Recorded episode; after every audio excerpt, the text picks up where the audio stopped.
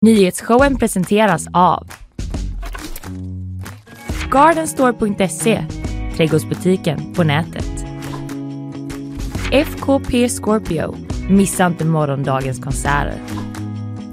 Art Portable, Sveriges marknadsplats för originalkonst. Zcooly, mattespelet som gör kunskap kul.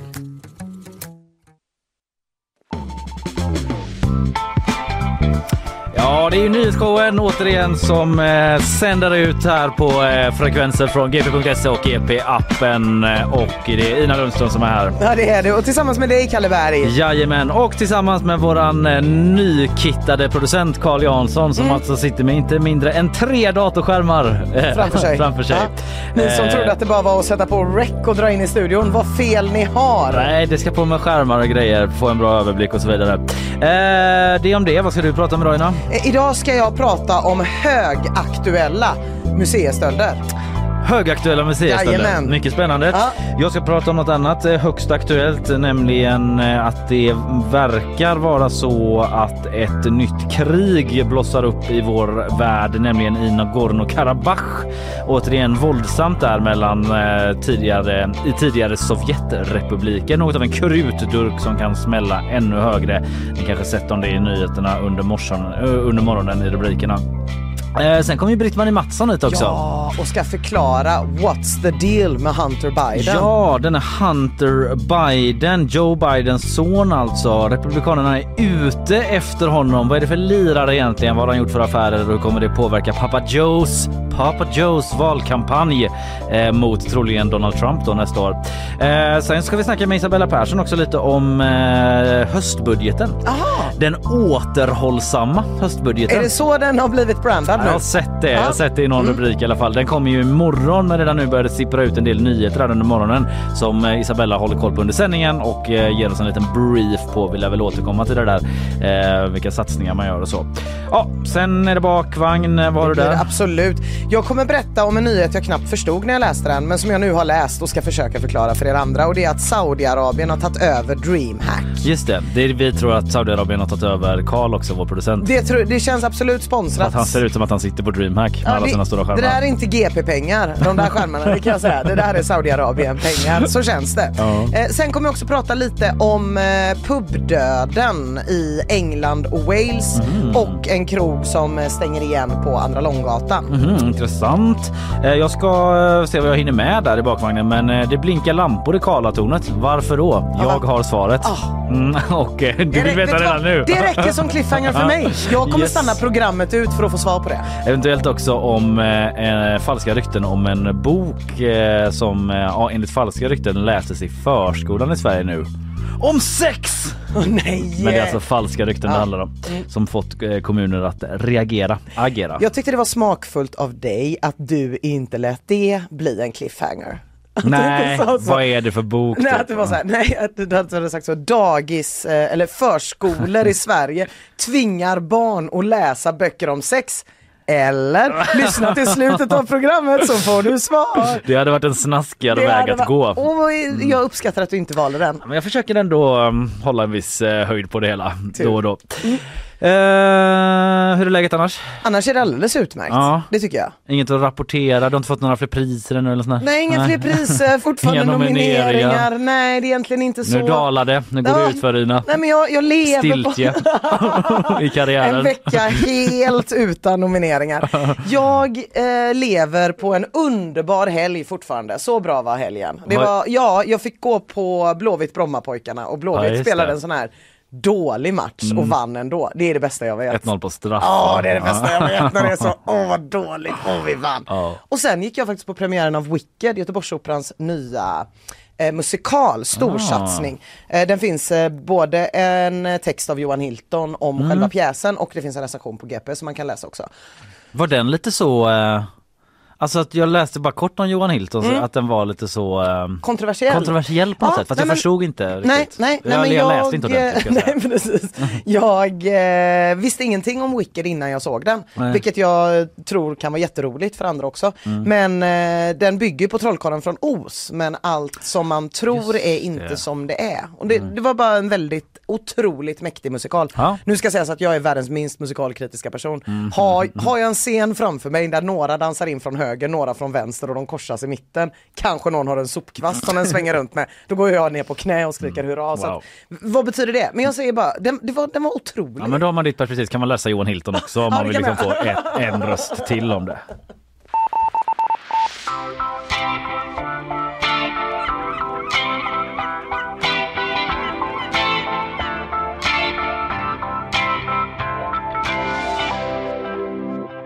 Ina, är du bekväm att prata om din lön, vad du tjänar och så vidare? Eh, ja! Du ska inte behöva göra det nu och Nej, redovisa. nej, men det är jag. Ja, för att eh, det går så bra. Exakt. Du ska inte behöva göra det. Men Nej. jag tänkte avslöja några andra löner för dig nu. Helt eh, utan samtycke från de vars löner jag tänker avslöja. På ett sätt, fast det är ändå med eh, samtycke för det handlar nämligen om chefer för kommunala bolag. Och jobbar man där, då är det ju offentliga uppgifter. Det är det, det är det. Så indirekt Ja. så går man ju med på att någon ska skrika ut ens lön från hustaken så att säga. Och att människor med helt ounderbyggda eh, fakta och bara 100% magkänsla och åsikter ska kunna säga det är för mycket. Ja, vi ska se om det, om du, det här får dig att ropa ut idag. GP har hela listan. Det är 27 namn, 27 chefer för kommunala bos, bo, eh, bolag. Och eh, sist på listan, den som tjänar sämst av alla då, det får du av mig här. Där hittar vi Sofia Gärdsfors på störningsjouren. Äh, jouren.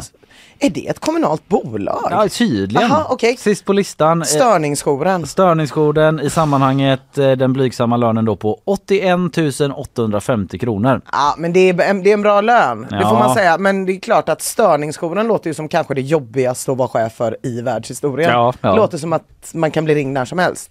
Segt, Ja precis, Om, jag vet inte om det funkar som med chefen men... Man eh, brukar ju säga det att störning vilar aldrig. Nej, Nej. det är en vanlig sägning. Eh, sen näst sist då så, eh, så kommer eh, Boplats VD Joakim Bernvid på 83 000 kronor. Oj! Mm, de Båda har- de här två tycker jag känns som riktigt jobbiga jobb. Ja.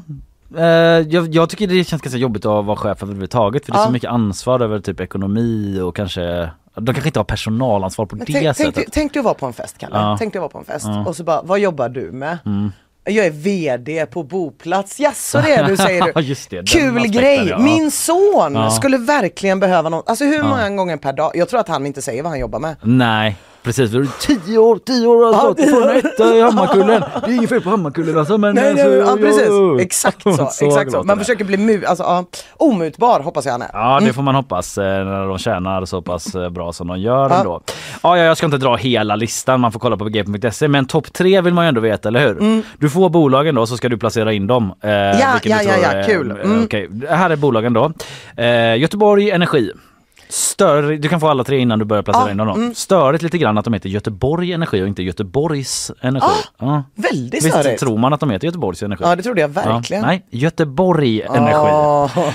Så vi har Göteborg Energi, Göteborgs Stadshus AB och AB Framtiden. Ja, ja, ja, ja. Vem har- Nej, men AB Framtiden känner jag ju mest, det hör man ju på namnet. Det är ju inte såna hyrvoice de tar, de tar ju såna svävar-drones till jobbet. eh, för skattepengar, och det är helt okej. Jag betalar gärna kommunalskatt för att ni ska få vara i framtiden. Det ligger garanterat på Lindholmen och den jäveln tjänar så fruktansvärt mycket cash. Så Framtiden AB högst upp. Ja. Och sen var det Göteborg Energi och sen var det Göteborgs Stadshus AB. Stadshus AB.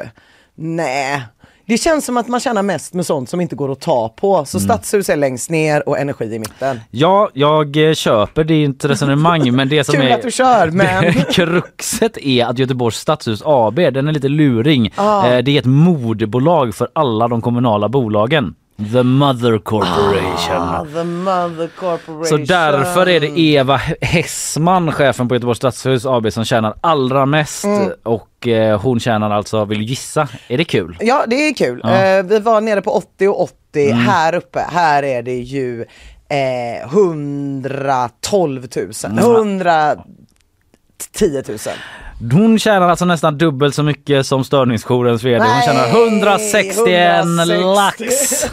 Lakan, pistoler. Ja, det är mycket lök. pengar. Det är, mycket pengar. Det är mycket pengar. Tvåa var eh, framtiden. Ja. Terje Johansson, Framtiden. 154 Ja. pistoler. Och så var det Göteborg Energi där Ja, trea. Per Ja. Anders Gustafsson, 153 000. Ja, 153. sticker i ögonen tycker du? Nej det gör inte det så jättemycket just för att jag känner som du att typ så här, det finns liksom inga pengar i världen som skulle få mig att vilja bli chef Nej. i typ Göteborg Energi. Alltså den här personen som är chef för alla de här. Du? Ja, ja, ja, precis. När hon nyckel... Moderchefen på nyckel- moderbolaget. Rosmarie, Eller vad hette Ja. hon på störningsjouren? Eh, ja, Sofia någonting. Ja. Sofia på störningsjouren är sjuk. Typ. Då Ja. får de ringa direkt till hon moder... Ja, just det. Då får du tala med min chef. nej, men gud. nej det går, de pengarna finns inte i världen. Det går inte. Då ska vi se, precis. Eh, Så därför så tycker jag att det är helt eh, OK. Men det är bara för att jag tänker att det finns liksom ingen som vill jobba. Men folk kanske vill jobba som chef. Ja, Jag vet inte, den här AB Framtiden de förvaltar tydligen 74 000 lägenheter över hela Göteborg som de också äger. Nej, men, Var fjärde göteborgare bor hos oss, eh, står det typ på deras hemsida. Skicka Carl alltså det är bara att se hur trötta vanliga fastighetsvärdar är. Ja. Alltså han Stefan på familjebostäder. Alltså han är ju en toppenkille på alla Ja. sätt och vis. Ja, ja, Men jag vill inte byta jobb. Jag vill inte byta jobb med Nej, honom. Den här kylen börjar låta lite Stefan. Typ. Ja, ja, ska behöva Ja. hasa runt i alla, alla Majorna, fixa grejer. Ja, frågan är hur hands-on de här cheferna är på det sättet. Ah, Men nej men om Stefan är sjuk då är det hon som rycker in. Ja, jo, jo. Eller är jag naiv nu eventuellt, eventuellt. Eh, det kan i alla fall sticka ögonen. Ja, Även om inte du tycker det kan det. absolut göra. Så säger professor Joakim Sandberg i alla fall som vi snackade med på GP. Han är professor i ekonomi och lyssnar på det här. Även praktisk filosofi. Oh, lala. Han säger att diskrepansen kan sticka i ögonen om våra allmänna medel används så här. Eh, och eh, alltså så här, medianlönen för bolags i Göteborg är 115 000 kronor i månaden och det kan jämföras för eh, vd i industrin i privata sektorn som ligger på 108 000. Så det är ändå 7 000 plus på Göteborgs bolags Men då säger Oskar Pettersson som är biträdande förhandlingschef hos Vision. Det är väl det här fackförbundet för chefer typ. Lite förenklat. Ett fackförbund i alla fall. Eh, han ser inget problem med löneutvecklingen hos de kommunala bolagscheferna i Göteborg.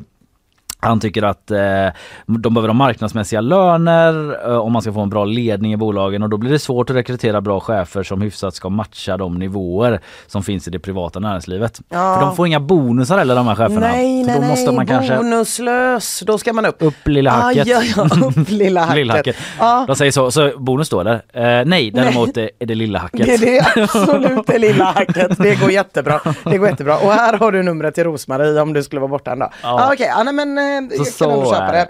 Jag har faktiskt varit med i en sån här typ av artikel en gång. Eh, det var i, i våras Okej. eh, när det var så typ så mycket tjänar Sveriges poddstjärnor. Mm. Men då stod det också att eh, Ina Lundström, Skrollmia och Emma Knyckare från Flashback Forever tjänar lika mycket på ett år tillsammans som Alex Schulman gör på en månad. Nej. Jo, så hade de skrivit med det. Okej. Känner man det var ju taskigt. Ja. Jag har ändå en självbild av rik. ja, ingenting mot Alex Schulman då.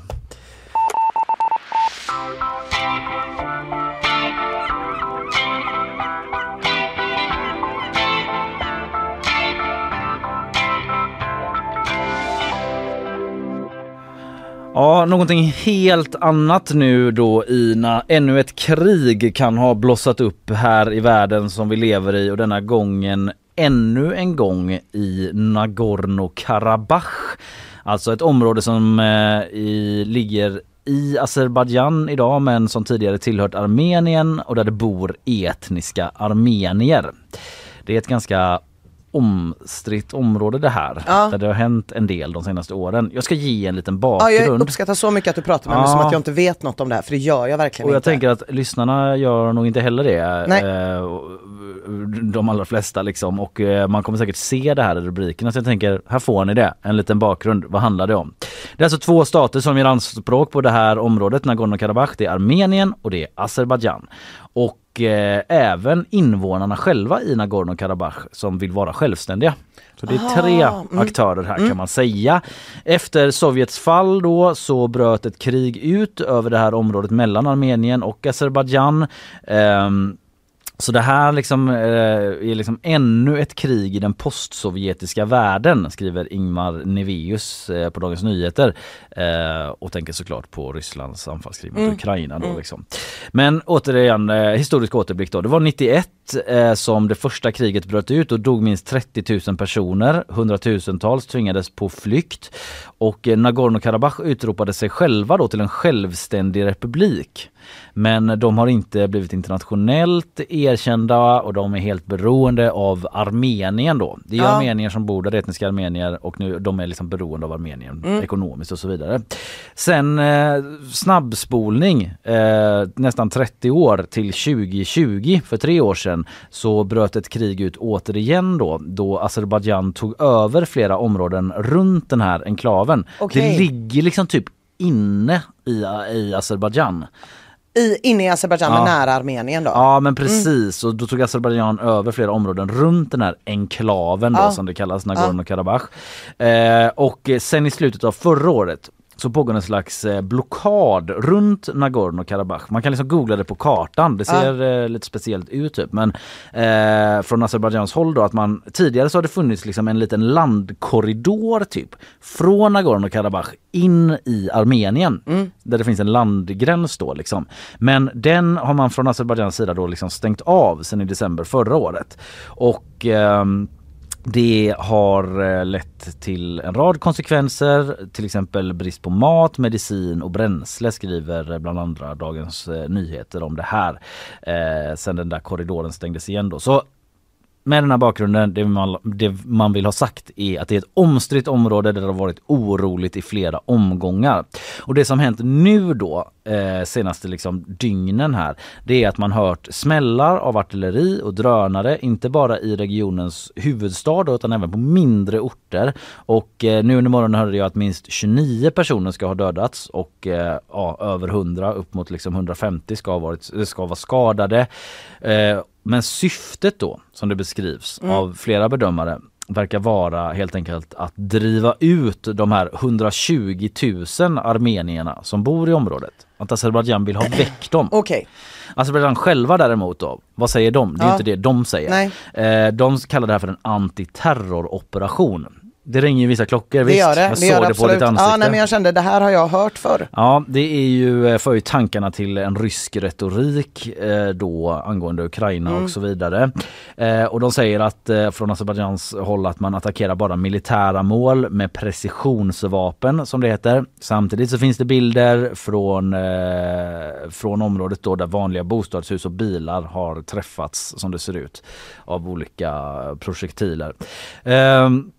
Och de här eh, attackerna då från azeriskt håll eh, ska ha startat efter att Azerbajdzjan anklagat då eh, vad de kallar armenska sabotagegrupper för att ha dödat sex azerare i en explosion. Så det är liksom så... Ja, det är det som de visar på som det var därför... Ja. Det är deras motivering mm, till varför mm. de gör det här ungefär. Mm. Uh, och The Guardian har eh, pratat med en myndighetskälla i Stepanak, Stepanakert som den här regionshuvudstaden heter ah, okay. mm, i Nagorno-Karabach. Och han säger att de skjuter mot militära och civila mål, inte bara här i Stepanakert utan ut med hela fronten säger han till The Guardian då.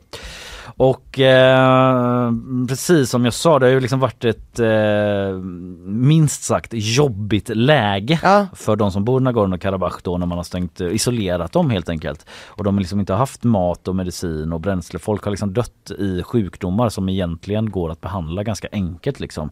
Skriver bland andra Dagens Nyheter. Ehm, och ehm, eh, enligt så här, armenier i den här regionshuvudstaden som DN snackat med så liksom vill Azerbajdzjan eh, att de har som mål att svälta ut befolkningen och liksom tvinga dem därifrån helt enkelt. Det är deras bild av det hela. Eh, och eh, det man också kan nämna är att när man satte igång de här attackerna då ska det ha gått ut ett sånt mass-sms till befolkningen i Nagorno-Karabach där, eh, från försvarsministeriet i Azerbajdzjan. Ja. Och de uppmanar då alla som bor där så här, att söka skydd och att göra det i den här landkorridoren, Latchin-korridoren som, som du minns som var ja, den som liksom går ja. från området i en mm. smal landtunga till Armenien. Liksom här, ta er dit typ och sök skydd. Så det tolkar många som ytterligare tecken på att de liksom vill fösa bort folk bort därifrån folk. Ja, helt ja. enkelt. Eh, och eh, man befarar liksom att den här utvecklingen skulle kunna leda till ett fullskaligt krig mellan Azerbajdzjan och Armenien. Där är vi inte nu. Liksom. Stabil, gränsen mellan de två länderna sägs vara stabil. Liksom. Okay. Det är ja, inte så att Armenien, är... typ, de, det bor massa etniska Armenien i Nagorno-Karabach men Armenien eh, är liksom äger det inte. Nej, det är inte nej. så att de liksom går till attack eh, för det i det här läget. Liksom. Men det finns såklart en oro. Um, och det har inte kommit så himla mycket uttalanden från omvärlden ännu. Nej för det blir man ju verkligen nyfiken på hur det förhåller sig till resten av ja, konflikterna i världen. Exakt, för att precis innan jag gick in i studion här i princip under morgonen så såg jag nyheten om att FNs säkerhetsråd har kallat till ett extra insatt möte om det här under, eh, jag tror de ska ha mötet imorgon. Mm. Och det är Frankrike som kallat till det här mötet och de tillsammans med USA har liksom eh, officiellt uppmanat Azerbajdzjan att sluta upp med det man håller på med. Ja.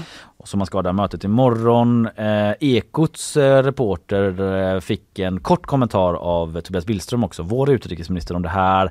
Han var ganska, skulle jag säga, han eh, höll korten ganska nära bröstet mm, liksom. Mm, mm, mm, han eh, var ganska försiktig med uttalandena men han sa att det är viktigt att Sverige ställer sig bakom EU i de medlingsförsök som pågår och sådär. Och så beskrev han väl egentligen situationen och det gjorde han så här då. Det är mycket oroande. Azerbajdzjan och Armenien har varit i militär konflikt tidigare i ett fullskaligt krig. Och det vore mycket olyckligt om vi skulle få en sådan utveckling på nytt. Inte minst med alla de risker som det innebär för regionen. Inte minst i form av flyktingströmmar. Ja, så inga skarpa uttalanden för eller emot eller sådär liksom utan eh, han tänker på det här med flyktingströmmarna ja. och han tänker på att nu ska det medlas eh, från EU och det står vi bakom. Men det är väl inte omöjligt att det kommer under dagarna? Det får vi se. Mm. Det är inte omöjligt alls. Nej. Eh, det var en bakgrund då till alla som kommer stöta på det här i nyhetsflödet under dagen så man hänger med lite bättre. Vill man hänga med ännu bättre finns en matig text eh, på gp.se om detta. Fem punkter där man snabbt eh, förstår vad det handlar om.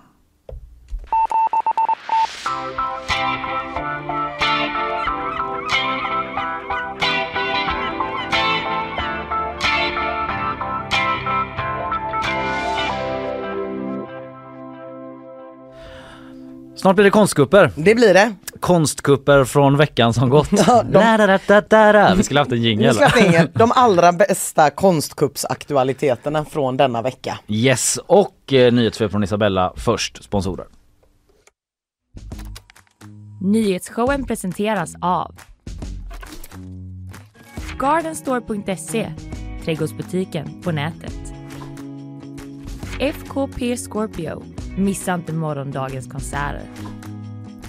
Art Portable, Sveriges marknadsplats för originalkonst. Zcooly, mattespelet som gör kunskap kul.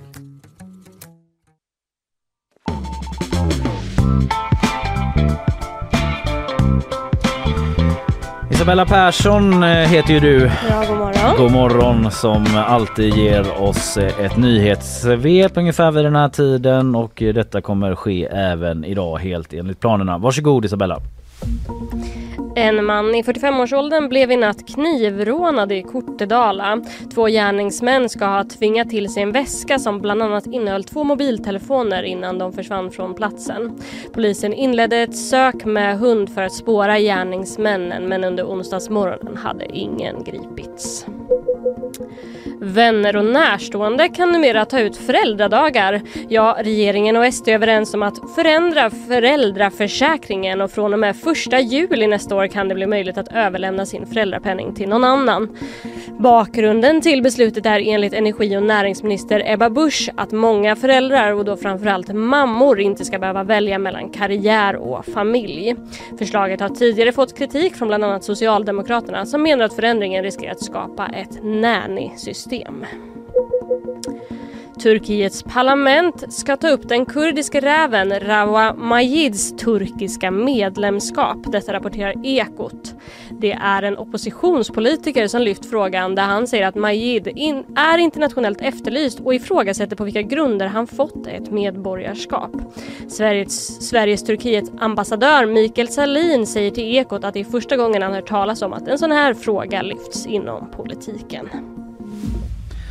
Ja, jag såg att du eh, hajade till lite på det här med föräldrapenningen Ina. Ja men det gjorde jag verkligen. Det är ju inte riktigt aktuellt längre för mig. Min dotter är 15 men eh, det har varit opraktiskt ska jag säga. Ja. Ibland. Eh, att inte min eh, sambo som jag har bott med nästan lika länge som min dotter har funnits har kunnat ta ut några föräldradagar. Just det. Eh, eller, ja, eller han har ju fått göra det ändå men han har ju aldrig kunnat få betalt för det. Nej. Så att jag var ändå lite så, vänta lite nu. Ja. Det, det hade ju kunnat Just gå. Mm. Hon har väl talat om att det är så stjärnfamiljer eller olika familjekonstellationer Ja. bland annat som ska Ja. gynnas av det har eh, Ebba Busch pratat Ja. om har jag för mig. Och även så att farmor och farfar och sådana här personer de har pratat om också. Just det. Mm. Mm. För det är väl, det är väl också, jag hörde om det här för några, liksom när det var debatt om det lite grann innan, nu är det ju klart då liksom, men att eh, det är också så att man behöver ju ha ett jobb. Alltså om jag Mm. skulle ta dina föräldradagar Ja. Dina, så måste jag ju ändå ha ett jobb som Ja. jag liksom får sån SGI ifrån och avstår. Så att om man ska vara typ nanny då så måste man ju ändå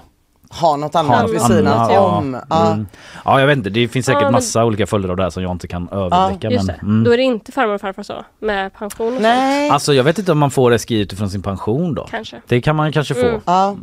Eh, men det ska inte jag svara på faktiskt. Nej. Eh, ja, det är en eh, Jag hade inte hört någonting förändring. om det här. Så jag, det är precis så, när man får lite äldre barn då slutar man helt höra alla sådana här nyheter. Och Ja. så hör man dem väldigt tydligt när man har yngre Ja barn. jag vet, man har verkligen ingen aning. Och jag som inte har barn då, det här Ja. med föräldrapenning och så. Det Ja. känns som att det är ett... Ett jävla ett- hittepå. Ja. Det är en jävla Det är djungel är det. Det är en jävla djungel. Ja. Det finns såna eh, posters ute på stan nu från Göteborgs stad som är typ så Behöver du hjälp på www så är det en gammal tant Ja. som sitter där. Men det hade lika gärna kunnat vara jag som sitter och försöker liksom föra in vab på Ja, Försäkringskassan. liksom. Det är Ja. samma typ av Ja, ja. Isabella, du kommer tillbaka lite senare. Då blir det budgetsnack. Höstbudget! Strålande ju. Du har koll på nyheterna som kommit. Den kommer ju imorgon men redan nu börjar det Den sippra kommer ut. väl idag? Den kommer idag menar jag. Den kommer idag. Jag sa Ja. imorgon förut. Den kommer senare under dagen ja. Ja. Idag. Och det börjar redan sippra ut lite rubriker. Det ser vi fram emot. Vi hörs om ett tag.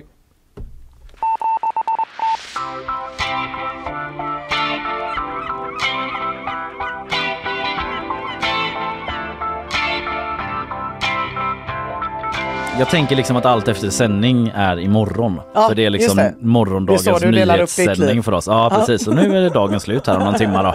Eh, Men vi kan väl avsluta den med att tala lite om konstkupper. Jaha, det tycker jag Och verkligen. sen prata om massa andra grejer också. om en massa andra grejer. Det blir aktuella museistölder, det tycker jag är så himla spännande Mm. för man ser direkt filmscener framför sig. Montage, de förbereder sig, det är laserstrålar. Det kanske är Catherine Zeta-Jones Mm. i Entrapment som gör någon mäktig tai dans. Vet du vilket ord jag tänker på? Riffifi-kupp.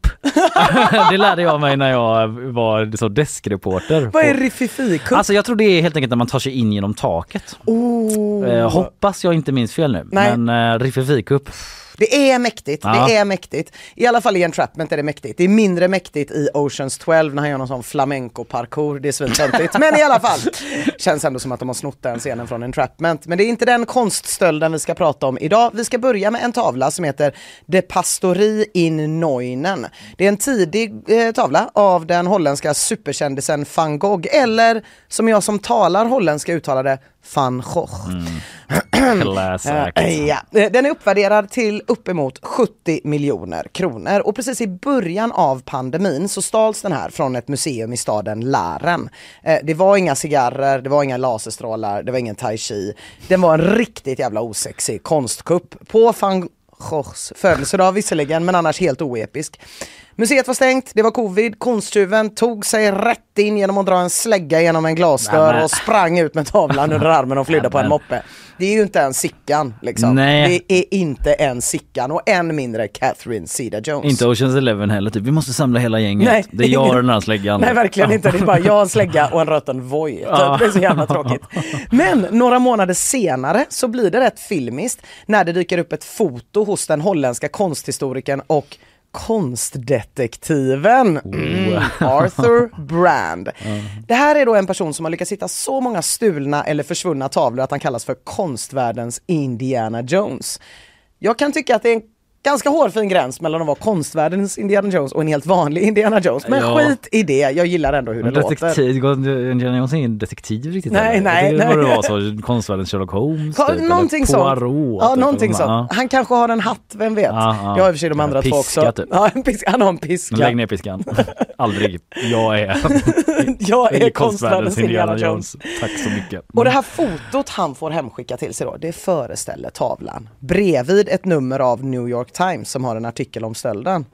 Nu börjar det likna något. Nu snackar vi. Och med på den här bilden, förutom tidningen, är också ett exemplar av boken Meister Dief. Jag pratar inte bara om det här för att få säga saker på holländska, men nu råkar det bli så. Som handlar om en annan van Gogh-tjuv, Octave Durham. Vilket jävla namn.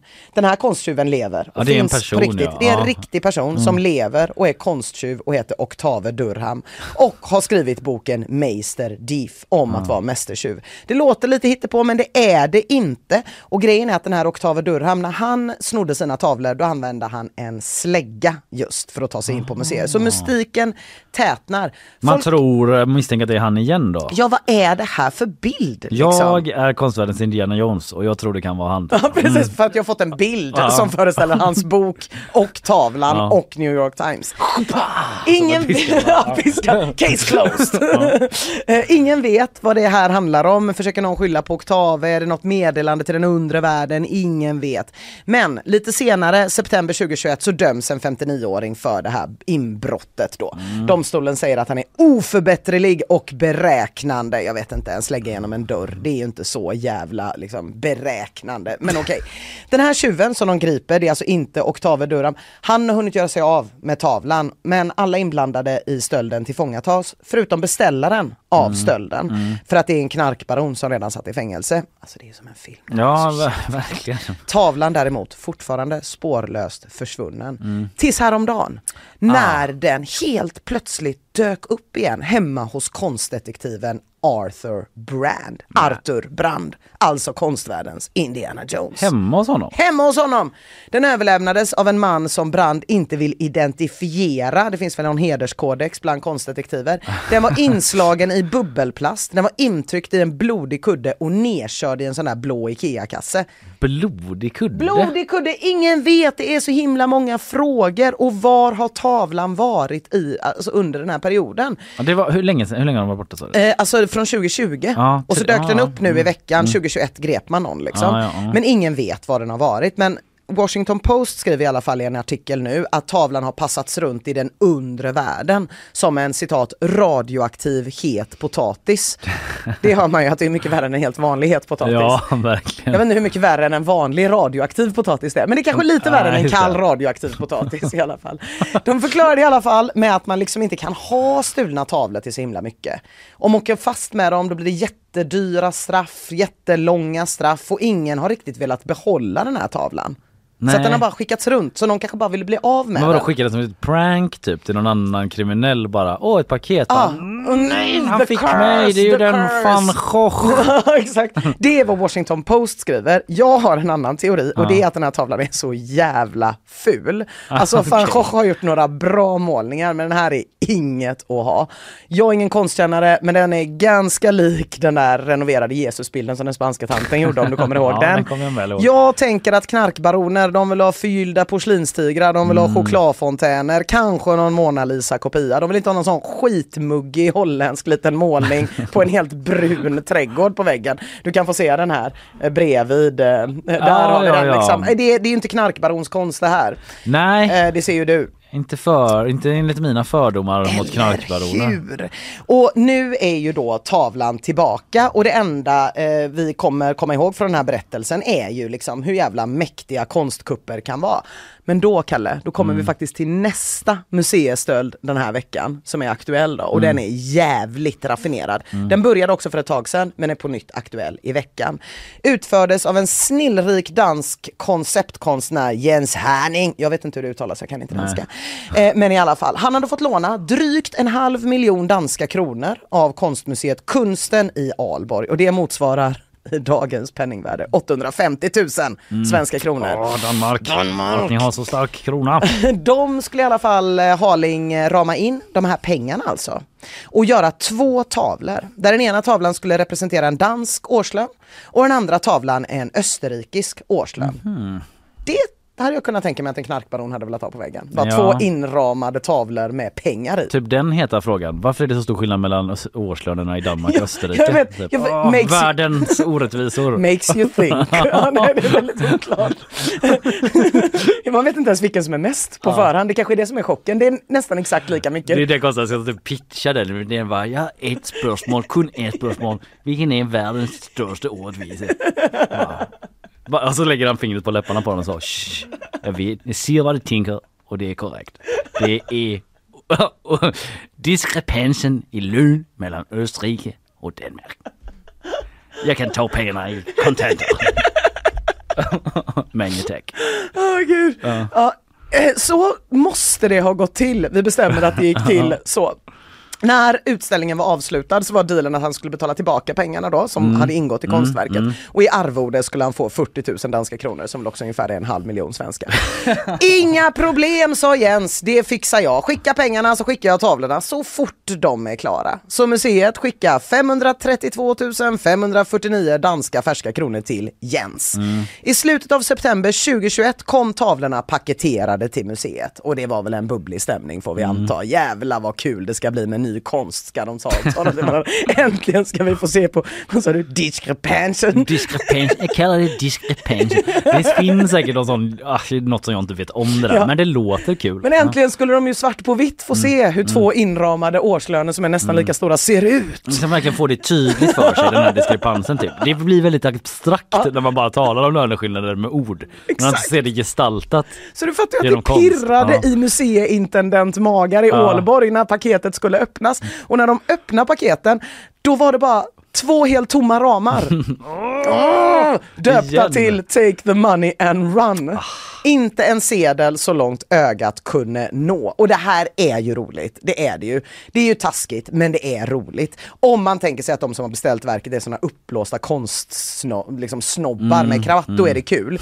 Om man tänker sig att det är ett litet fattigt landsbygdsmuseum som kämpar sig igenom en global pandemi och typ hade tagit pengarna som de skulle haft för att renovera taket till att göra den här grejen. Då är det lite mer tråkigt. Men det är en raffinerad jävla stöt liksom. Visst, det är bara 850 000 kronor jämfört med van Gogh som var 70 miljoner. Men jag menar herregud, pengar rätt i handen. Men han är ändå en konstnär liksom. Ja. Han försöker ändå motivera det som att så här, det här är Det här är ett konst. konstverk. Och, och, och det gjorde ju också då att eh, museichefen först var orimligt optimistisk till det här Mm. och sa till The Guardian, jag tror att han ger tillbaka pengarna. Han är ändå en välrenommerad konstnär. Mm.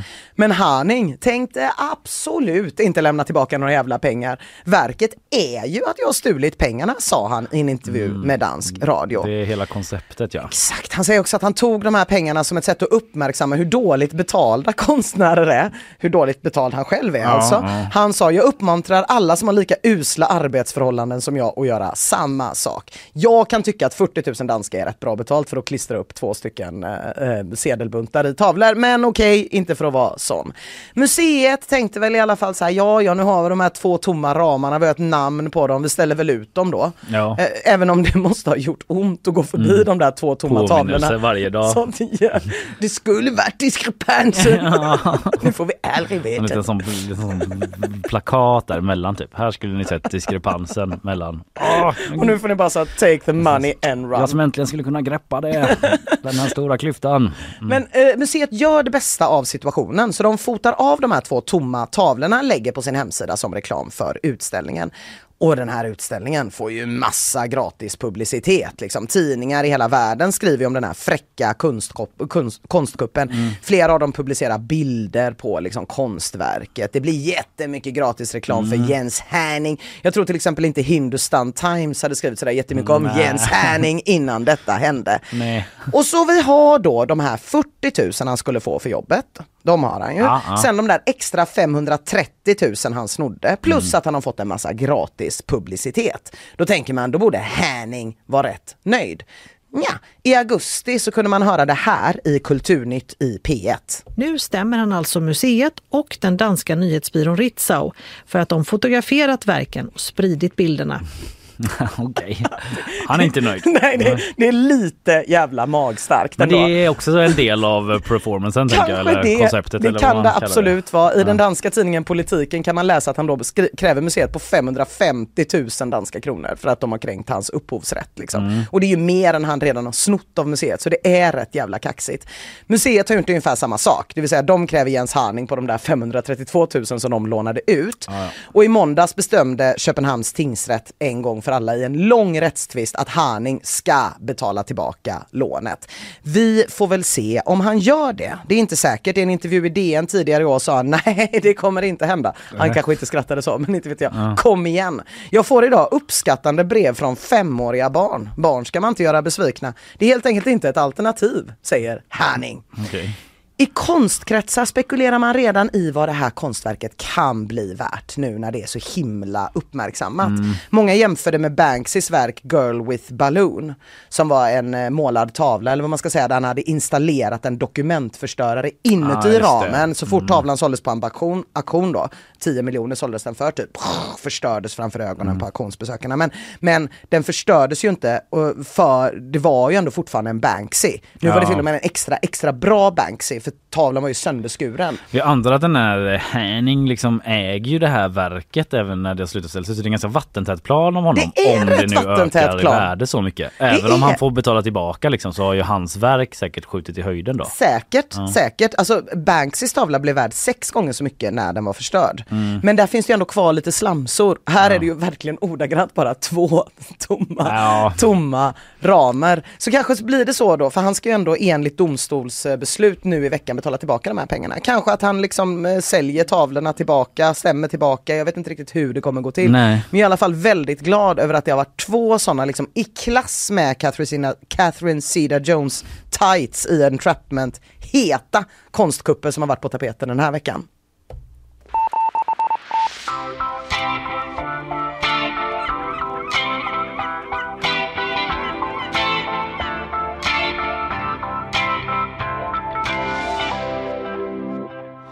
Snart är hon tillbaka.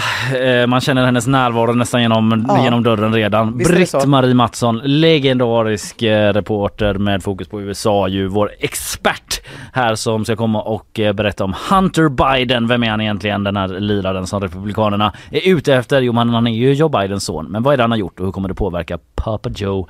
Först eh, sponsorer. Nyhetsshowen presenteras av Gardenstore.se Trädgårdsbutiken på nätet. FKP Scorpio Missa inte morgondagens konserter. Art Portable Sveriges marknadsplats för originalkonst. Zcooly Mattespelet som gör kunskap kul. Nyhetsshowen är det du lyssnar på vart du än befinner dig på spårvagn vid köksbord eller eh, eh med, med din poddspelare senare på dagen kanske, vad vet jag. Eh, nu ska vi prata om eh, en eh, amerikansk person, nämligen Hunter Biden. Varför ska vi bry oss om honom egentligen? Jo, men i förra veckan så kom ju eh, Hunter Biden, kom det nyheter om att Hunter Biden, alltså Joe Bidens son då, har åtalats för vapenbrott. Och det har rört upp en del känslor i USA och då undrar man såklart eh, vad då för vapenbrott? Eh, vad, vad är det här för person? Varför är det relevant? Eh, alla har väl vapen i USA? vad är grejen? Men också då liksom hur det här kommer påverka politiken framåt i USA för att han förväntas ju vara en ganska central person då när det blir val nästa år. Ja, det var en lång påannonsering. Jag ska nu släppa in dagens gäst istället. Britt-Marie Mattsson, god morgon! God morgon, Hej, god morgon. Hej. hej. Du, eh, vad är det som har hänt till att börja med med Hunter Biden? Vad är det han åtalas för? Han åtalas både för det här som du säger om vapenbrott men skattebrott också ovanpå alltihopa. Så det är liksom två grejer han är på gång.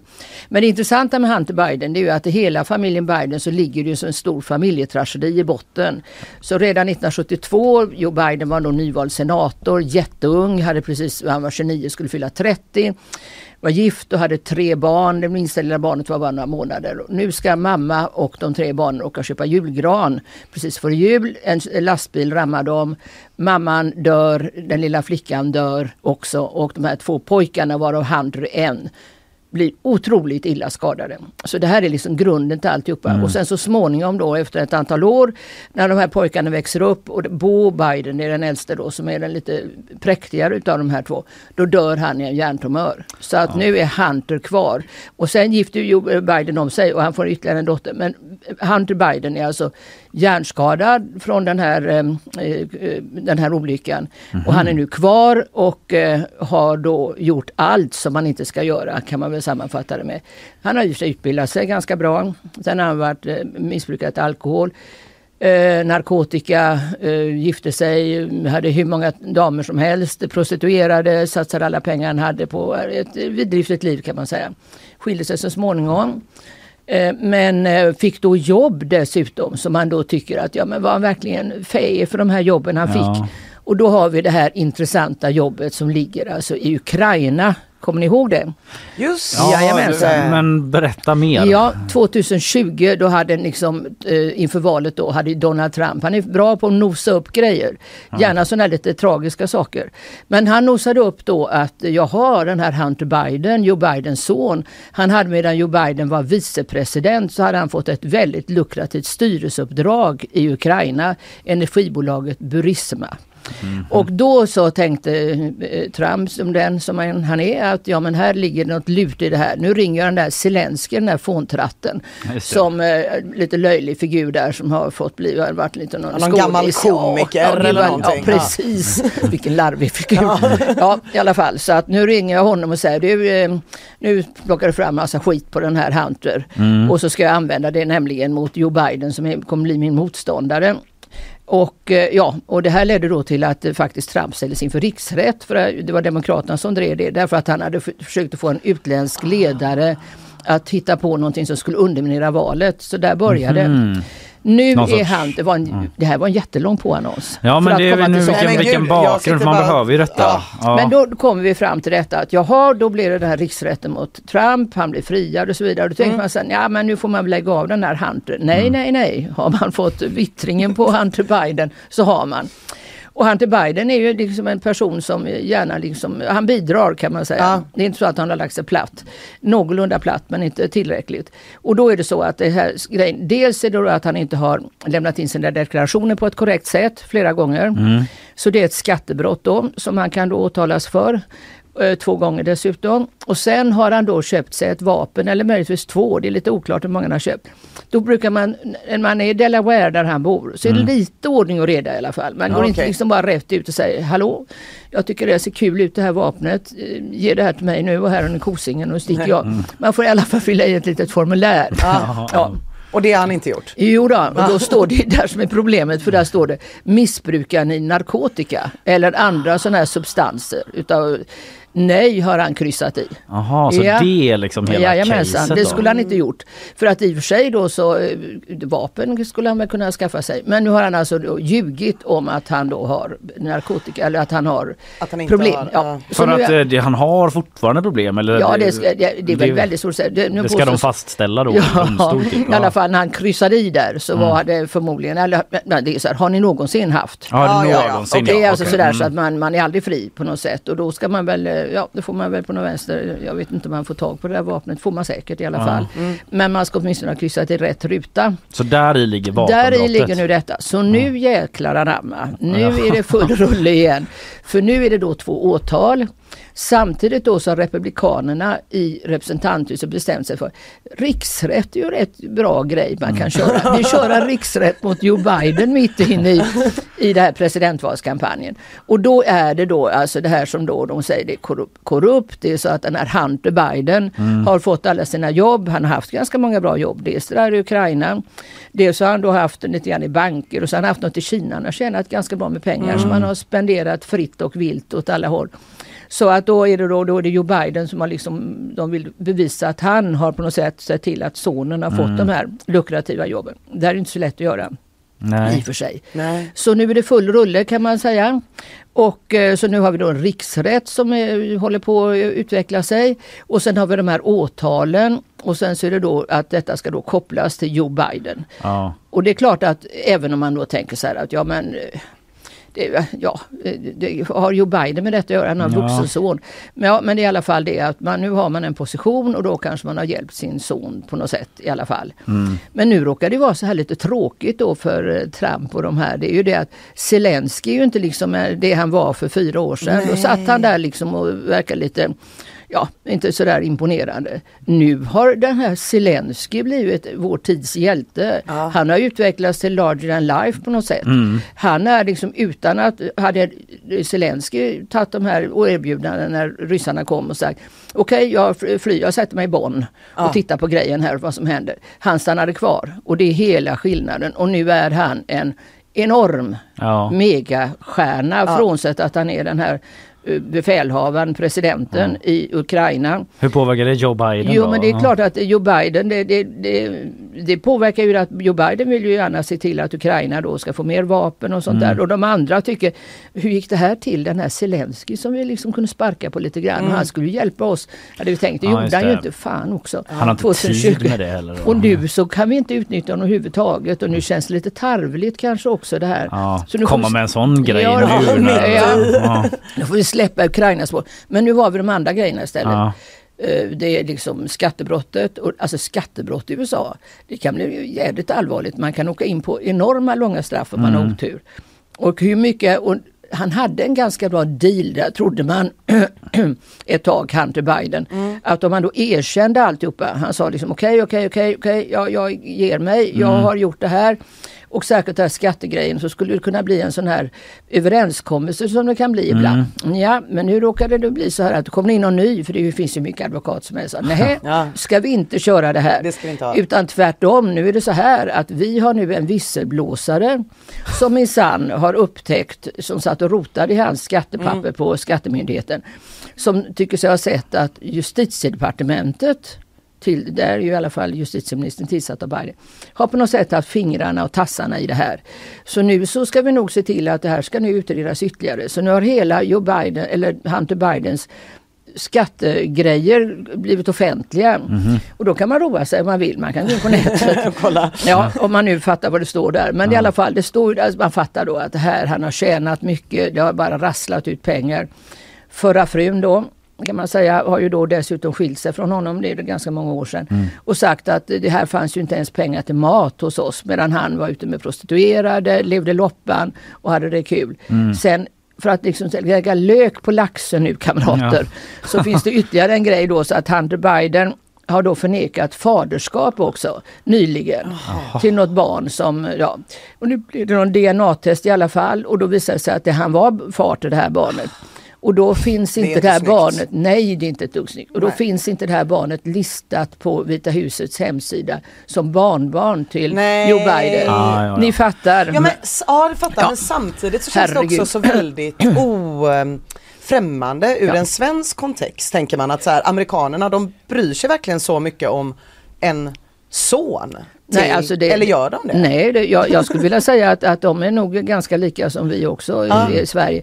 Men man kan ju blåsa upp den här typen av grejer. Alltså nu, det, här, det gäller nu att hitta, alltså Trump är ju en fena på detta. Det gäller att hitta svagheter i familjen, din person. Ja. Det är inte din politik, den skiter vi i. Alltså, Ja. Du struntar i vad du tycker. Men, men allt det här eh, då som kommer upp nu Mm. då och eh, han åtalas om han fälls. Det är egentligen bara liksom bara så att säga Mm. Dåligt i opinionen för Joe Biden. Det är mer så här the optics som Ja. man pratar om, hur det ser ut. Just liksom. Det är inte så något juridiskt mot Joe Biden i det här Nej, läget. det är klart att om man då kan koppla någonting och säga titta här, här har vi en Ja, korruptionshistoria. det. Här har han fått alla de här jobben och i realiteten så finns det då, då pratar de om att ja, det finns en dator någonstans som han, han har lämnat in han till Biden en gång till reparation. Han hämtar den inte eller hur det nu var. Just det, ja, det där Ja, en det jävla låter ju konstig historia. Ja. Och där minsann så finns det då grejer som kan tyda på att Joe Biden på något sätt mm, grattis grabben och det här går bra om. Ja. Kör hårt då. Eventuell, allegedly. Men, ja, men vadå, så att det,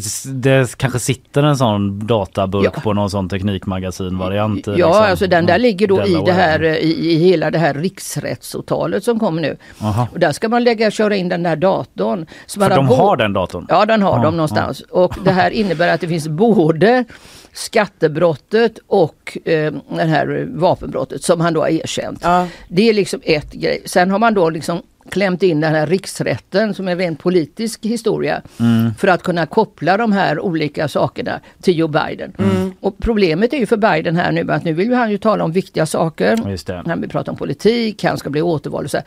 Nu har han kommit in i träsket, jag måste försvara mig på något sätt. Och jag, Träsket som Trump ska draina också. det funkar ju bra med hans Ni kan tänka er liksom. alltså, Ja. här är, här är ju gefundenes. Men då är ju alltid risken då att, men du själv då? Kommer ju sen förr eller senare. Då kommer det här att man ju mer man går på den här Hunter Biden som man till slut kan tycka, ja den är Ja. tragiskt hela skiten här. Ja. Så kommer jag säga, ja, men förresten du, eh, Trump, den där eh, dottern där, Ivanka, hennes man Jard Kushner har vi inte hört talas om på länge. Nej, De jobbar ju nämligen i Vita huset. Mm. Och han har nu den här Jard Kushner fått ett enormt jättegrej, massa pengar från Saudiarabien. Hur har vi det här då? Ja. Så att alltså de här lumpna grejerna. Blir börjar- det det man ja, får. börjar, det har inte kommit än. Mm. Men börjar man dra i de här lumpna historierna som man tycker, ja men ligger inte detta lite utanför? Men jag menar, har man varit förmögen att ringa till Zelensky Mm. en gång och nu sitter ju Zelensky och kommer in här och glider in. Imorgon är han ju då i Vita huset igen. Mm. Och då börjar Republikanerna tänka, ska vi verkligen ge den här Zelensky mer pengar? Kosing, han har inte riktigt, riktigt levererat tycker vi. Ja. Och dessutom har han ju då ovanpå det, är det ett krig som kostar massa pengar här. Men vad, vad säger Joe Biden då? Vad säger Vita huset om riksrätten och Joe Biden-åtalet? De håller ju mer eller mindre tyst så att de säger ju inte så mycket. Det enda som eh, Joe Biden brukar säga det är ju att jag älskar min son. Ja. Och, eh, jag, och då får man ju hoppas att den här älskade sonen då ligger lite lågt framöver. Så att han inte liksom spär på det här ytterligare. Ja. Men de säger inte så mycket och det här riksrätten den ligger ju, det är ju en sån här process så den börjar i representanthuset. Alla demokrater emot, republikanerna kör det själva. Nu gäller det att få tillräckligt med bevis för att man ska kunna lägga det som ett åtal och lägga ut det till senaten för att få en dom där. Domen där är ju helt utesluten, kommer ju aldrig kunna ske. Nej. Två tredjedels majoritet, där har redan demokraterna majoritet. Det kommer bara bli absolut tvärnej. Han kommer att frikännas även om, eh, jag vet inte vad de ska hitta på för någonting Nej. på den delen. Men hur, hur kan det ändå påverka, alltså tror du att det ändå kommer påverka valrörelsen? Ja det tror jag absolut. Eller kommer det vara en större grej att Joe Biden är gammal? Ja, alltså jag tror Joe Biden är gammal. Det är definitivt. Det tycker jag är så intressant. Alltså att här tycker väljarna att både Joe Biden och Donald Trump är för gamla. Ja. Men ändå så röstar de på de här gamlingarna. Det finns ju en väldig massa yngre förmågor som liksom framförallt bland republikanerna, då kan väl hoppa på där.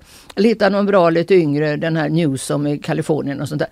Men fastän de inte vill ha en äldre gubbe Ja. så röstar de på äldre gubbar. Ja, det- och det äldre ihop, alltså. gubbar har ju äldre barn som har haft fler år på sig att göra bort sig. De har barnbarn också. det, som de också ska ta ansvar för. Barnbarns barn. Alltså det, men Biden har ju han har ju också gjort det här att han har verkligen knutit det här till sig. Att han, han är då, han har ju liksom sagt att I'm a family man, jag är en familjeman, jag älskar mina barn och mina barnbarn och allt vad det är för någonting. Så att eh, han eh, kom i situationen. Men det är väldigt svårt om man haft den här bakgrunden som vi talade om i början. Att barnen har blivit så illa skadade. Man har förlorat sin fru, man har förlorat sitt minsta barn. Man har förlorat sen den äldsta sonen i sjukdom och så vidare. Och här sitter man med den son man då har. Alltså, det ska ju mycket till att man sen ska slänga honom under bussen. Ja. Har han säga. uttalat sig Hunter Biden då? Ja men han, hon, honom håller de ju undan. Han säger Ja. ju liksom I plead guilty och sådär lite grann försiktigt. Ja. Men de trodde ju att han, de hade liksom fått till någon slags överenskommelse, en uppgörelse där med de här vapnen och skattegrejerna. Så skulle de liksom, de var åtminstone vara borta. Mm. Men det hade de ju inte då för då, jag menar det amerikanska juridiska systemet. Jag, menar, jag bara gratulerar den som kan genomlysa det på något sätt. För när man tror att man, är, att man har åkt dit så är man i realiteten fri eller tvärtom. Mm. Så att här, nej, det här, och det här kommer ju nu, nu ligger ju, det är bara ett år till valet. Så nu ligger detta pumpar. Och nu är det ju primärval redan februari och har man fått en sån här godbit i händerna. Mm. Alltså det är ju skit i det amerikanska, alltså det, det kan man säga, skit lönar sig. Mm. Man säger att åh jag ska ha en sån fin kampanj. Jag ska verkligen Mm, inte ta take det. the high Åh, road. Ja absolut, och jag ska liksom, du är sanning och så här håller det på. Och sen är det bara att då har de sina konsulter som tänker ut allt möjligt fiffigt. Får de tag på en Hunter Biden och de fick ju tag på honom redan för fyra år sedan. Men Joe Biden måste ju veta det fr- från eh, liksom, när han väl kandiderade till president första gången. Så här, de kommer komma efter Hunter. Det är liksom Ja. min Ja. svaga punkt. Typ. Men jag tror inte att han trodde att det skulle bli så illa. Jag, jag tror inte att man riktigt tror det. Alltså. Man, man Att tror... han ändå trodde att så, här, så, så lågt kommer de inte Nej, gå. Typ, så, nej eller? alltså lite grann att det är ju en sak om man har det här, en slags undervegetation. Det har ju alltid, före nätet, före sociala medier, så har det alltid funnits den här undervegetationen. Man har liksom hänt, man säger, det här skvallret eller vad man ska kalla det för. Ja. Det har ju ändå varit massivt i alla kampanjer jämt och ständigt. Det går ju tillbaka eh, 150 år. Men om man då tittar på det här att man fått in en Donald Trump. Det är ju en helt unik person som inte, han, han drar sig inte för någonting. Nej. Alltså i vanliga fall så drar ju sig en presidentkandidat. Han kan ju tycka, det kan gärna få stå i skvallertidningar och det kan stå lite varstans och det, vi kan köra. Vi Du kan får inte under- visa att det är jag som har nej, läckt ut det. absolut Nej. inte. Nej. Man- vill liksom hålla distans. Mm. Det här ska bli kul att följa. Det ska det onekligen och eh, vi eh, kommer väl ha dig med oss hoppas vi. Ja, jag Och kommer gärna. Lotsa oss. Ja. Ja. Det, det, det tar vi som ett löfte. Ja. Eh, ja precis, sammanfattningsvis då. Eh, riksrätt eh, mot Joe Biden. Ja. Lär inte hända något med det då för Demokraterna har majoritet. Men det kommer störa. Det kommer störa och vi har där åtalet mot Hunter Biden. Får vi se med vapenbrottet och så vidare. Han kommer nog kanske åka dit. Ja. Ja. och vi har en valkampanj som Och drar ett- igång och så ett ordentligt. skattebrott också. Och ett Och skattebrott ett Det är på nästan detta det också. värsta. Ja. Ja, där har ni... eh, Och ett nytt barnbarn, yay! Jag försöker se det positiva. Ja, just det, Ja, just det. grattis! Vilken härlig jul de kan få till exempel. Ja, ja eh, det står det några Då kan man klinga på där. Ja. Ja, tusen tack för idag Britt-Marie. Tack. Tack På så mycket själv. återseende och hörande. Tack själv. Tack så mycket. Ja, där tackar vi av eh, Britt-Marie Mattsson alltså som eh, gav oss eh, the whole scoop. Ah. Gud vad jag pratar mycket engelska men det är, när Britt-Marie kommer och vi är i USA så kan jag liksom inte hålla mig. Nej, du vill ju också imponera lite på Britt-Marie genom att visa att du kan engelska. det är klart jag Ja. vill. The high road pratar jag om. Den typen av liksom uttryck jag slänger mig med Jag hoppas verkligen att eh, Karl på sina fyra skärmar från Saudiarabien, han sitter där bakom, eventuellt kan klippa ihop en liten alla gånger du har sagt engelska saker framför Britt-Marie Mattsson. Och också att man får med dina sådana valpögon som vädjar om bekräftelse Ja, direkt efteråt. Det var också precis innan vi började prata att jag liksom skulle dra någon lång... Eh, ni pratade om någonting så kom jag in med och berättade om att jag var på maskerad typ. så made it about Britt-Marie, myself. Se mig! Okej, det var inte riktigt det som var ämnet här. Men okej. Det var toppen. Okej killen. eh, vi ska få... Eh, vi ska släppa på Isabella Persson här om Ja, vi skulle få höra lite mer om budgeten. Ja, det vill vi göra för den släpps ju idag och det har redan då kommit en del rubriker om eh, vad den handlar om. Den här budgeten som ändå styr vad verksamheten Sverige ska hålla på med närmsta tiden. Men först eh, sponsorer. Nyhetsshowen presenteras av Gardenstore.se Trädgårdsbutiken på nätet. FKP Scorpio Missa inte morgondagens konserter. Art Portable Sveriges marknadsplats för originalkonst. Zcooly Mattespelet som gör kunskap kul.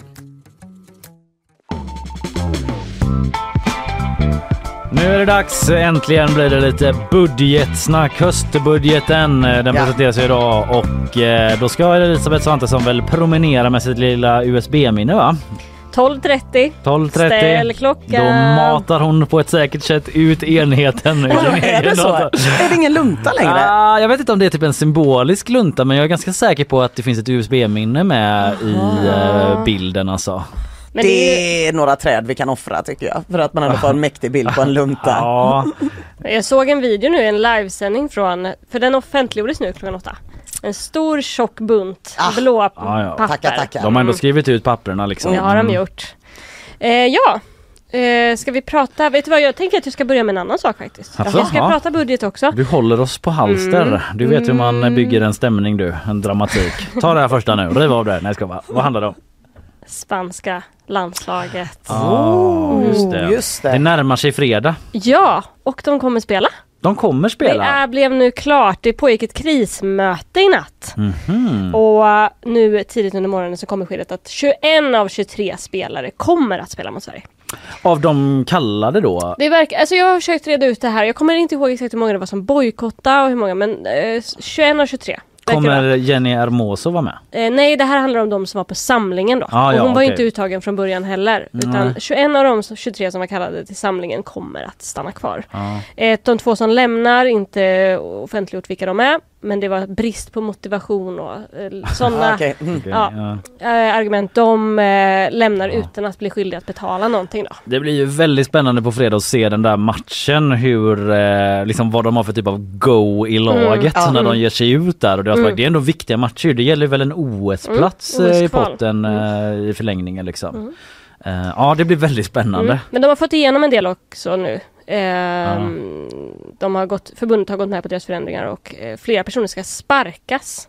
Mm. Eh, så, Det måste ju ändå vara splittringar Ja, liksom. ja. Ja, ja. Mm, det får vi se då. alltså efter en sån långdragen också konflikt. Mm. Det har varit ganska många turer. ja, Men budget då. Nu är det Mm, budget. budget. Nu är det Nu budget. klockan åtta offentliggjordes höstbudgeten. mm, sju minuter sedan. Ja, Mm. och eh, det kommer vara presskonferenser under dagen. Och eh, eh, så 12.30 som vi sa då, är den här berömda promenaden eh, från Finansdepartementet till riksdagen. Eh, också tidigare år, så här, nu har vi vant oss lite med det, men tidigare har det varit hemligt fram till budgeten. Alltså till dagen. Ah, just det. Men nu har det börjat läcka ut. Ah. Just det. Det har ju hållit på. Budgetnyheter. Mm, ja. ja. det tindrar i ögonen på dig när du säger budgetnyheter. Alltså, Det här är ju också Linnea Rönnqvists eh, favoritämne. Ja, Ja. vi kanske får en uppföljning imorgon. Det kommer vet? ju massa nyheter Mm. under dagen kommer jag Mm. tänka mig. Eh, så det kommer säkert. Men jag eh, eh, gav mig ut här och sa att den har kallats för en återhållsam budget. Ja, eh, den har kallats eh, neutral, Okej. återhållsam. Det var ett mer neutralt ord. Neutral. Det, det kommer ju inte gå till historieböckerna. Men eh, ekonomer som eh, Ekot har pratat med Mm. sa liksom så, ja men den är inte inflationsdrivande men man hade kunnat göra mer saker, till exempel Mm. ge mer pengar till kommunerna för att hålla tillbaka och kanske ja, i långa loppet kanske det innebär olika typer av infrastrukturprojekt och sådär. Mm. Men ehm, ja, relativt neutral då, Mm. säger, säger ekonomer. Eh, vi vet redan några saker som kommer vara med i budgeten. Mm.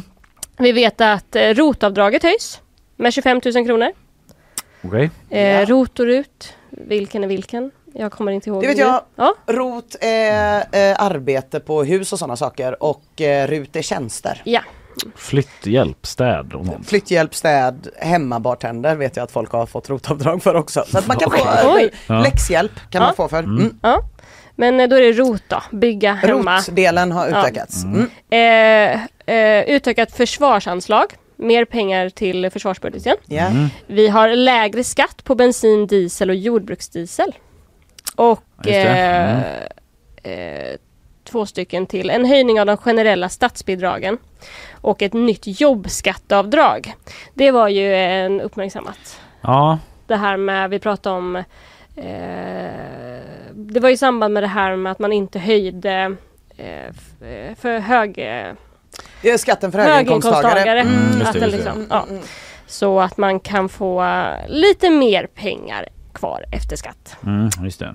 Ja men på tal om det här med diesel så var det en nyhet som vi hade igår på GP att Volvo ska sluta göra dieselbilar. I nästa år redan. Nästa år Oj, redan. 2024.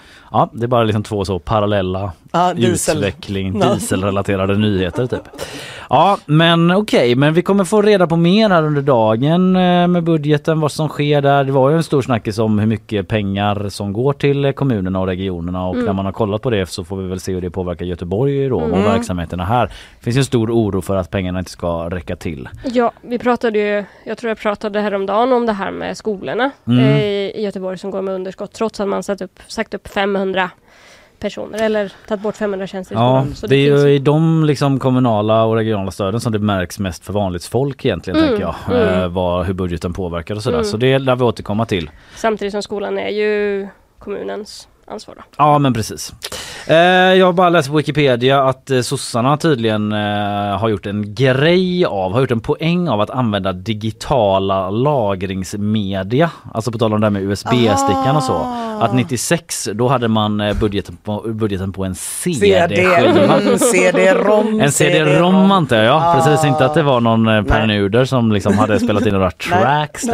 Nej, nej. Och senare USB då. Men sen Ja. så Anders Borg återgick motvikt till pappersluntan. Lite mer så konservativ, moderat, ja, klart ska vara papper, absolut. lunta på Ja. det. Eh, Magdalena Andersson hade också en lunta. Men ändå hästsvans och, eh, ja det är ju spännande. Det känns Ja. väldigt Anders Borg. Mm. Mm, precis. Eh, Magdalena Andersson hade också lunta. Tre, Ja. Nästan 4000 sidor, 10 och ett halvt kilo 2017. Ja. Så lite siffror bara Jag, kring tycker, papper. jag tycker de ska kunna lyfta en lunta, jag bara säger det.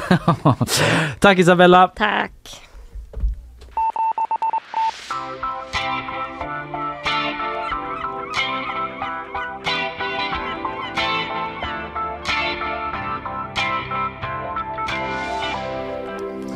Saudiarabien tar över DreamHack läste jag igår. Ja, Eh, etc.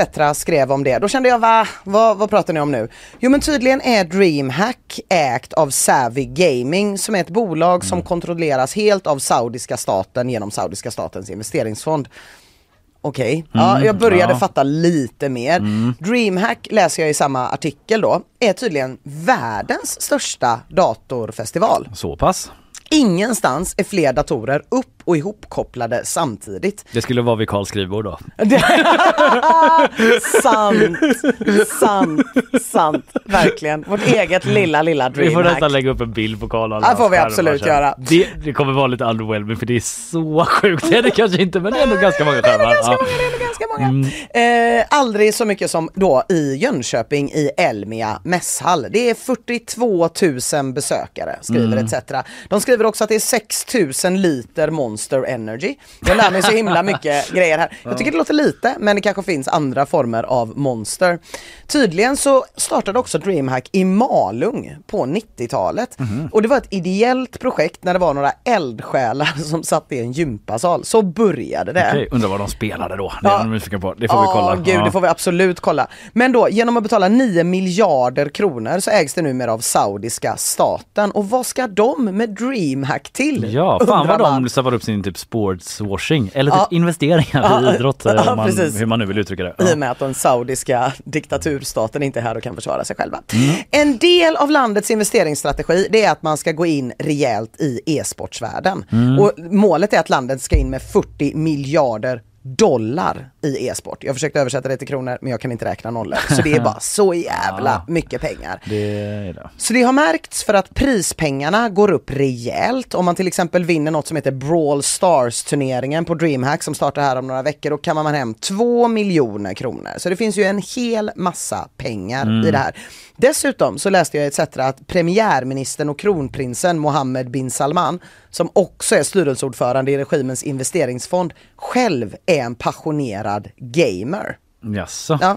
Också känd från eh, liksom, mordet på Jamal Khashoggi och sådär. Mm. Känd för ganska många olika Ja. obehagliga saker. Vad Eh, gamear han då? Det framgår kanske inte heller. Nej, nej, men han har pratat mycket om hur han är uppvuxen med tv-spel och älskar tv-spel och allt sånt där. I still play the Sims Ex- every day Vem vet? work. Ja. Mycket möjligt. Men det går inte att göra vad som helst i Sims i Saudiarabien. Homosexualitet är ju strikt förbjudet, inte bara i verkligheten utan också i tv-spel. Det är förbjudet i landet att spela tv-spel där karaktärer är homosexuella eller där personer av samma kön kysser varandra.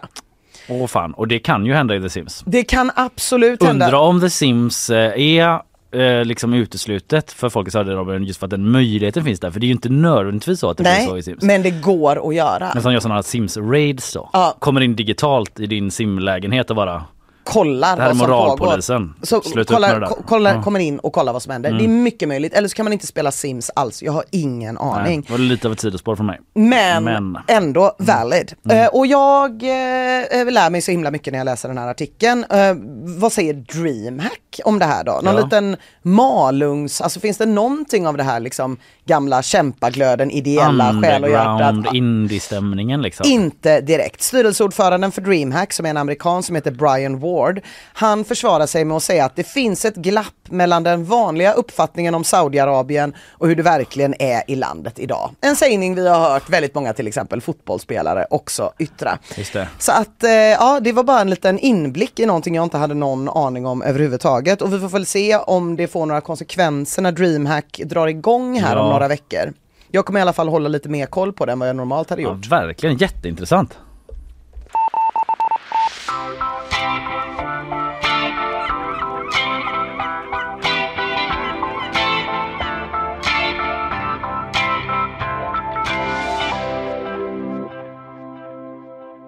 Falska rykten sprids. Nej! Jag berättade ju om detta tidigt det. eh, i början av det där och valde liksom... eh, Ja, väl, valde the high road Ja. som du hade sagt om du Mm. pratade med Britt-Marie Mattsson. Precis, Mm. i min cliffhanger då. Eh, nej, det är nämligen så här att det sprids eh, falska rykten om att förskolor i Göteborg bland annat eh, håller på och använder en sex och samlevnadsbok för eh, barnen på förskolan helt enkelt. Okej, Den här boken heter Boken om att knulla. nämen. Jag tänker liksom att man måste vara ganska så antingen inte källkritisk Mm. eller liksom redan lutandes åt att eh, vad är det som händer Det pågår i, en typ, tvångssexualisering av våra barn. eh, Exakt spåret. och så vidare liksom. För att tänka att en bok med den titeln skulle vara liksom på samlingen efter att man har så önskat runt i ring. Ja, Nu är det dags för eh, Boken om att knulla. Boken om att knulla. Mm. Eh, Tyst! Tyst! Sitt still! ja, eh, men så här. Eh, det stämmer ju inte då. Utan eh, eh, nu läser jag från SVT här, det är flera som har skrivit om det men det var den som kom upp här att utbildningschefen på förskoleförvaltningen i nordöstra Göteborg, Johan Forsstrand, han säger till SVT att jag tycker det här är allvarligt och ser detta som ett led i desinformation som finns och riktas både till förskolan och socialtjänsten. Det vet vi ju att socialtjänsten Just har varit det. utsatt för påverkanskampanjer. Eh, för att det påverkar tilliten till samhället helt enkelt.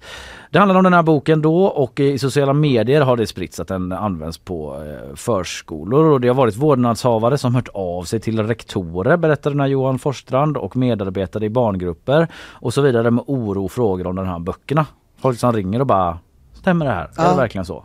Även Borås kommun har nåtts eh, om de här falska ryktena på nätet och eh, de har gått ut då och eh, varnat sina förskolepedagoger, liksom flaggat för ja bara, det "Där- kan komma såna här... Precis, ja. det är bra att ni känner till detta, Mm. detta pågår där ute, det stämmer såklart inte och så vidare. Eh, sen exakt hur stor spridning klippen har fått i sociala medier, det kan inte liksom man svara på med stor säkerhet då, men det man vet är att de, det är filmer eh, då som har delats av minst tre konton som tillsammans har över 100 000 följare. Det man vet. Vet man någonting vara- om vad det är för slags konton? Alltså vilken slags miljö de här har spridits? Uh, nej, det framgår faktiskt inte av den här eh, artikeln som jag har framför mig och eh, jag, känner mig inte riktigt bekväm med att gå ut och nej, gissa om det. Men jag, jag, jag tror det var på SR, Mm. då var liksom nyheten under det var om de här sociala, som de liksom hade lagt ihop med den, var med eh, de här, eh, ja att social, eh, sociala myndigheter tvångsomhändertar Ja. muslimska barn. Och då visste jag inte om det hade med båda, att båda var desinformationsspår att göra eller om man hade lagt upp dem för att det var i liknande miljö det här hade spridits. Men, men det framgick inte då. Nej, det, jag, jag vill liksom inte sitta och säga det för Nej. det framgår inte av den här artikeln. Eh, utan, eh, ah, alltså med grejen är att den här boken om att knulla, den, den finns liksom. Det är en riktig bok. Ja. Men eh, SVT rapporterar också då om att den eh, an, den, den riktar sig till tonåringar och unga vuxna med intellektuella funktionshinder. Okej. Och anledningen till att den är ganska explicit då eh, i, ja, i sin titel till exempel men också i sitt innehåll. Eh, det säger Vanna Lönngren som är, eh, eller Vanda Lönngren, eh, förlåt, som är delägare i det här förlaget som publicerat boken. Att, eh, att eh, den behöver vara det för dess målgrupp. Liksom. Ah, ja. Eftersom det är målgrupp som har intellektuella funktionsnedsättningar så måste man liksom tala. typ. Ja, man kan inte börja säga blommor och bin. Nej, Nej. utan man måste vara tydlig då liksom, så det är därför den eh, är utformad eh, som den är då. Eh, ja, så eh, boken om att knulla läses alltså inte Absolut inte. för fyra och femåringar Nej. på förskolor i Göteborg och Borås.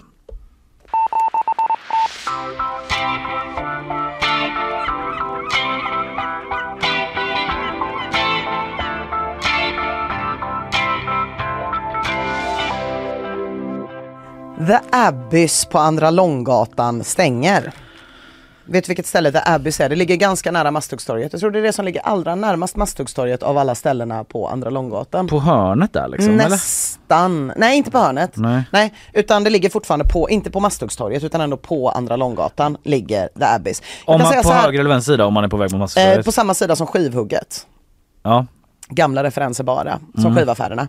Eh, Ja. Inte på Seiden Kelly-sidan, inte där det är en sån gång, Nej. utan på den andra sidan. Ja, ja, jag har Eh, inte låt varit mig, där. Låt mig hjälpa dig. Du är, har ju Ta några år, du går ju inte ut längre, du har massa småbarn. på 90-talet hette det här stället Garlic. Det är otroligt 90-tal. Att de hade en restaurang där de serverade vitlök. Jag kommer ihåg hur vi tryckte våra flottiga barnansikten mot och läste menyer där det stod att de hade glass med vitlök och var så Jag har varit på sånt ställe på Södermalm i Stockholm. Så, Jag misstänker, misstänker att det också öppnade på 90-talet Ja. när det, typ, det var väldigt inne att döpa tidningar till chili och sånt. Det var något med kryddor på 90-talet, alla tyckte det var svincoolt att det fanns. Mm, Just Eh, Efter eh, Garlic så hette det ganska länge Min bror och jag och var en lite finare restaurang. Det känner jag till. Mm. Det känner du till. Och sen tror jag nog att du hade din heyday i Göteborgs uteliv när det här stället gick under namnet Lassasino. Ja, Eller ja, ja, populärare i visst. folkmun Lasses Casino. Där har du säkert varit några gånger. Ja, säkert. Det tror jag. Vem minns? Sen har det blivit The Abbeys då som det har varit i typ 10 år och det har varit en rockklubb. Där det också har funnits en scen och scener finns det ju inte så gott om på Andra Lång. Vi hade ju fler förut.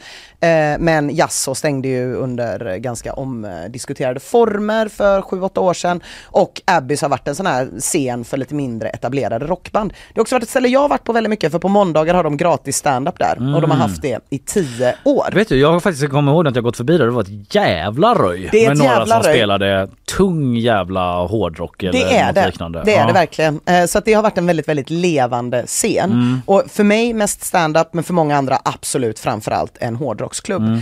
Till GP igår sa ägaren Maja Sofic att de har gjort allt de har kunnat men nu är det stopp. De hop- hoppas på att kunna hitta en köpare som kan ta över och förvalta krogens anda. Eh, Och det har liksom eh, haft de har haft en hel del problem på Abbys under pandemin som många andra ställen. Då startade man en insamling. Det hölls en The Abbys festival på Gothenburg Film Studios för att försöka rädda stället. Men man har inte lyckats. Och jag tänkte bara försöka koppla det här lite till att det faktiskt är ganska många ställen som har det väldigt tufft just nu. Eh, Man tänker så här, ja men pandemin är över, vad är problemet? Men i GP igår kunde man läsa om en brittisk pubkris. Varje dag så stänger två brittiska, eller två eh, pubbar i England och Wales för gott. Så är det. Eh, det är då ett år med pandemi som har gjort sitt och sen ett år med krig i Ukraina som har gett mycket högre energipriser och sen då i år inflation, dyrare råvaror, många klarar det inte längre. I England och Wales finns idag 39 400 pubba- pubbar och i början av 1990-talet då var det 64 000 pubbar. Så det är en ganska stor nedgång. Ja, får man säga. Och jag säger inte att det är de här sakerna som man läser om i GPs artikel om brittiska pubbar som gör att Abbys ska stänga. Jag vet faktiskt inte varför de har haft svårt. Eh, det kan ju bero på det. Men jag vet att väldigt många pubbar har det väldigt svårt just nu. Så jag vill bara skicka en liten uppmaning som är att om man gillar en viss pub och inte vill att den ska stänga alternativt bli uppköpt av saudiska staten eller någonting sånt. Då kan det vara läge att gå dit. Vilken kul pub det här var. Vilken kul pub. Ingen alkohol. Det finns ingen alkohol. Inga bögar, eh, bara tråkigheter. Det är bara ja. tråkigheter. Ingen Eh, sån rolig gaykille som bara står där. Liksom, och, och, till är, exempel. och är kul. Nej. Eh, och jag försiktigt hälsar på för att försöka verka cool. eh, så att eh, det, det kan vara läge att gå dit. Jag uppmanar inte folk att dricka alkohol men om man har möjlighet så, eller snarare så här, för ens egen, för ens Man egen dricka alkohol, men om man har möjlighet. men om man har möjlighet ska man absolut alltid göra det, för det är toppen. nej, men, nej, men eh, eh, titta på eh, var du lägger dina krogpengar som du lägger någonstans och lägg dem till ett ställe du absolut gärna vill ska finnas kvar. För det är många som har det svårt nu. För ni vill inte bli som mig som står utanför The Abbys varje gång jag går förbi och säger så här, vet du vad det här hette på 90-talet? Då hette det garlic. Alltså men vill du inte vara en sån person som jag, så gå till era pubbar.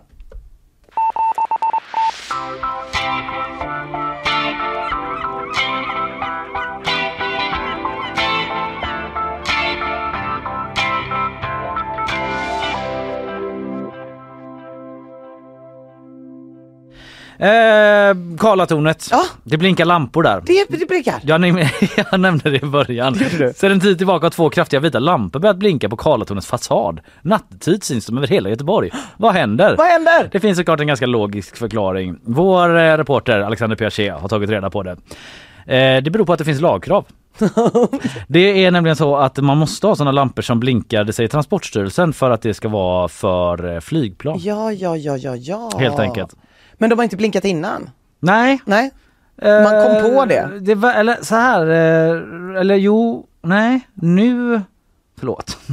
Det är inne i slutfasen nu och sen en tid tillbaka så finns de här blinkande lamporna så det har inte funnits hela tiden. Nej. Men eh, de, har i alla fall, de har varit där ett tag liksom. Eh, och eh, precis som Karl skriver så har det varit en ganska liten eh, marknad för den typen av lampor i Göteborg tidigare. Ja, det har det inte varit jättemånga. Skyskrapervarningslampor för flygplan. Åh, det företaget bara, vi har en beställning! Ding, ding, ding, ding, ding, ding. gött. Och tänk vad gulligt när de byggde läppstiftet. Att de var typ så, vi behöver sådana lampor. Företaget var så, ni behöver inte sådana lampor. Nej men det, de har satt upp dem nu i alla fall. De sitter på 52 våningen och eh, det är vissa som har hört av sig och klagat. Alltså om man bor inne i huset så ska man tydligen inte påverkas av det. Nej. De ska vara avskärmade på något sätt. Mm. Så inte om man bor på den våningen att man bara Hela tiden blinkar. hela natten Nej. bara blinkade. Eh, men däremot så kanske det finns folk som bor inte i huset då. Nej.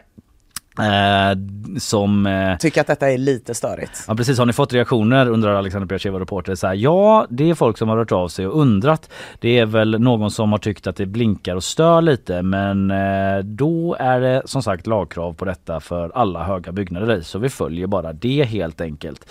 Eh, det säger eh, en man som heter Johan Live, presschef på Serneke. An- ja, inte Johan Live va? Johan Live. Jag tror det. Ja, jag vet inte.